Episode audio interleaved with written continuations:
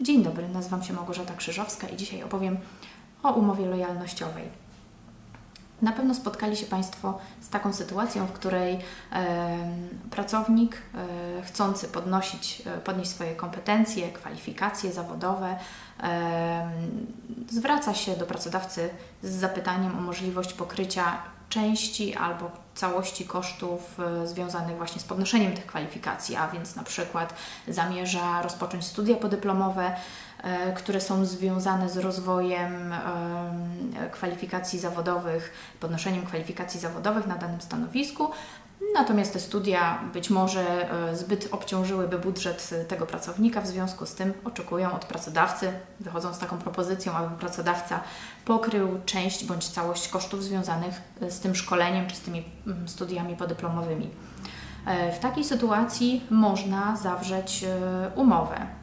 Jest to umowa w formie pisemnej, umowa o szkolenie, w której pracodawca zobowiązuje się do pokrycia części albo całości kosztów. I teraz pytanie, jakich kosztów, bo pracodawca może e, pokryć e, koszty wyłącznie szkolenia, może zadeklarować się również, że pokryje koszty dojazdu, wyżywienia związanego, mm, wszystkich kosztów związanych e, z udziałem w szkoleniu czy w tych studiach podyplomowych.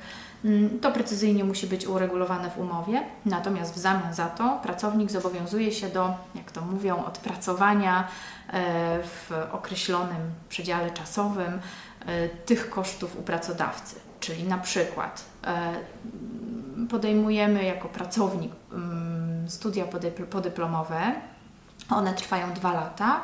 I w umowie z pracodawcą zobowiązaliśmy się do tego, że przez kolejne dwa lata i to od jakiego momentu to zaraz powiem, e, że przez kolejne dwa lata pozostaniemy w stosunku pracy pod rygorem zwrotu e, poniesionych przez pracodawcę kosztów. I teraz ważny moment, od kiedy liczyć właśnie te dwa lata? To powinno być w umowie szczegółowo określone. Dlatego, że w sytuacji, e, gdy nie jest to określone, no to faktycznie może to powodować może to powodować spory, może to powodować no, skierowanie niestety sprawy do sądu w sytuacji, gdy e, pracodawca stwierdza, że zbyt szybko została rozwiązana umowa przez pracownika, natomiast on zupełnie inaczej zinterpretował zapis umowny, bo na przykład nie określono wprost terminu, od jakiego e, liczymy ten okres e, odpracowania, więc należałoby to określić w taki sposób, przykładowo.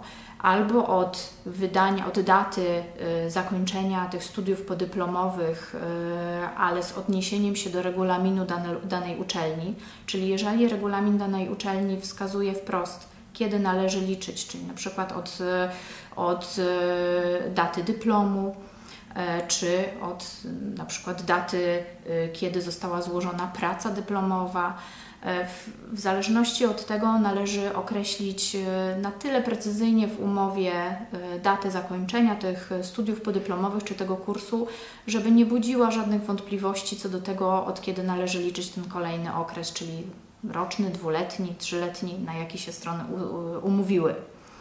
E, bardzo ważne jest też to, że oczywiście pracownik nie może być w tej umowie zobligowany do tego, żeby mm, w razie, gdyby e, wcześniej rozwiązał umowę, e, żeby pokrywał koszty, które faktycznie nie zostały pokryte przez pracodawcę. Czyli nie może być na przykład takiej sytuacji, że koszt, który był poniesiony przez pracodawcę to był 15 tysięcy złotych, natomiast pracownik jest zobligowany do tego, żeby zwrócić pracodawcy 20 tysięcy złotych. Przykładowo, gdy, gdy tylko otrzyma, yy, otrzyma yy,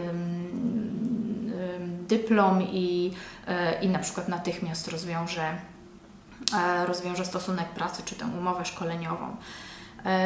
Co, co również ważne, to to, że w sytuacji, gdy ten okres zostanie skrócony, e, czyli ten okres e, po zakończeniu tych studiów podyplomowych, na przykład mamy określony w umowie jako dwuletni, ale wcześniej zostanie zakończony z różnych przyczyn przewidzianych, czy to w kodeksie pracy, czy to w umowie, e, no to ważne jest proporcjonalne obliczanie tej kwoty, która pozostaje do zwrotu.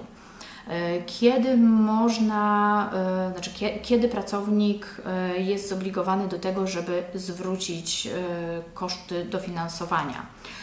Kodeks pracy stanowi, że pracownik, który bez uzasadnionych przyczyn nie podejmie tego podnoszenia kwalifikacji zawodowych, a więc nie przystąpi do tych, do, do tych studiów podyplomowych czy do tego kursu, albo na przykład przerwie ten kurs i, i nie skończy kursu, który został rozpoczęty, to wówczas jest oczywiście zobligowany do zwrotu kosztów poniesionych przez pracodawcę.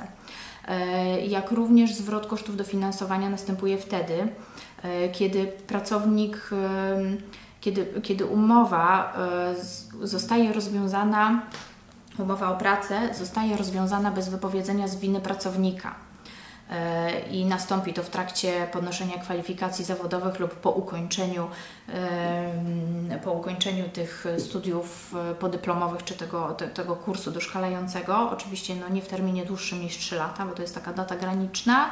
E, jak również zwrot dofinansowania musi nastąpić wtedy, kiedy pracownik e, w tym właśnie okresie rozwiąże stosunek pracy za wypowiedzeniem E, oczywiście nie wtedy, kiedy następuje to, to wypowiedzenie z, z przyczyn związanych ze stosowaniem mobbingu wobec pracownika. To jest taka klauzula wyłączona e, przyczyny, także w sytuacji, gdyby okazało się, że pracownik z przyczyn e, stricte tkwiących w stosowaniu mobbingu wobec niego wypowie ten stosunek, rozwiąże stosunek pracy e, w tym okresie na przykład tych kolejnych dwóch lat po zakończeniu te, te, tego okresu podnoszenia kwalifikacji zawodowych, no to oczywiście e, nie będzie musiał e, zwracać tej kwoty, natomiast no, w sądzie będzie musiał wykazywać, że faktycznie ta przyczyna mobbingu zaistniała.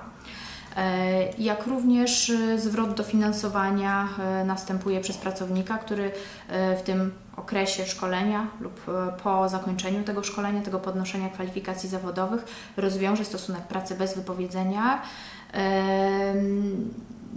lub, lub, lub rzeczywiście w, w sytuacji, gdyby on rozwiązał stosunek pracy za, za wypowiedzeniem, Strony mogą sobie w, w różnoraki sposób określić oprócz tego e, zasady zwrotu, zwrotu tego dofinansowania, byleby to nie było e, gorsze dla pracownika, to uregulowanie, niż e, przewiduje to kodeks pracy. Istnieje też taka sytuacja, że na przykład strony rozwiązują umowę o pracę i umowę, umowę o pracę na przykład za porozumieniem stron. Co wtedy? Czy obowiązek zwrotu y, tych środków poniesionych na rzecz podnoszenia kwalifikacji istnieje, czy nie. Otóż właśnie wtedy należy, w taki, taką sytuację należy przewidzieć też e, w umowie, czyli w tej umowie szkoleniowej należy wskazać, czy w sytuacji, gdyby strony rozwiązały umowę za porozumieniem stron, to ten pracownik zobligowany jest do zwrotu, czy nie jest zobligowany do zwrotu. A jeżeli jest zobligowany do zwrotu tych e, kosztów dofinansowania do szkolenia, no to w jakiej wysokości? Ważne, żeby to jednak była e, wysokość określona proporcjonalnie, a więc jeżeli na przykład koszt wyniósł koszt wyniósł załóżmy 20 tysięcy. Umowa e, zobowiązywała pracownika do tego, żeby odpracował jeszcze kolejne dwa lata po zakończeniu szkolenia.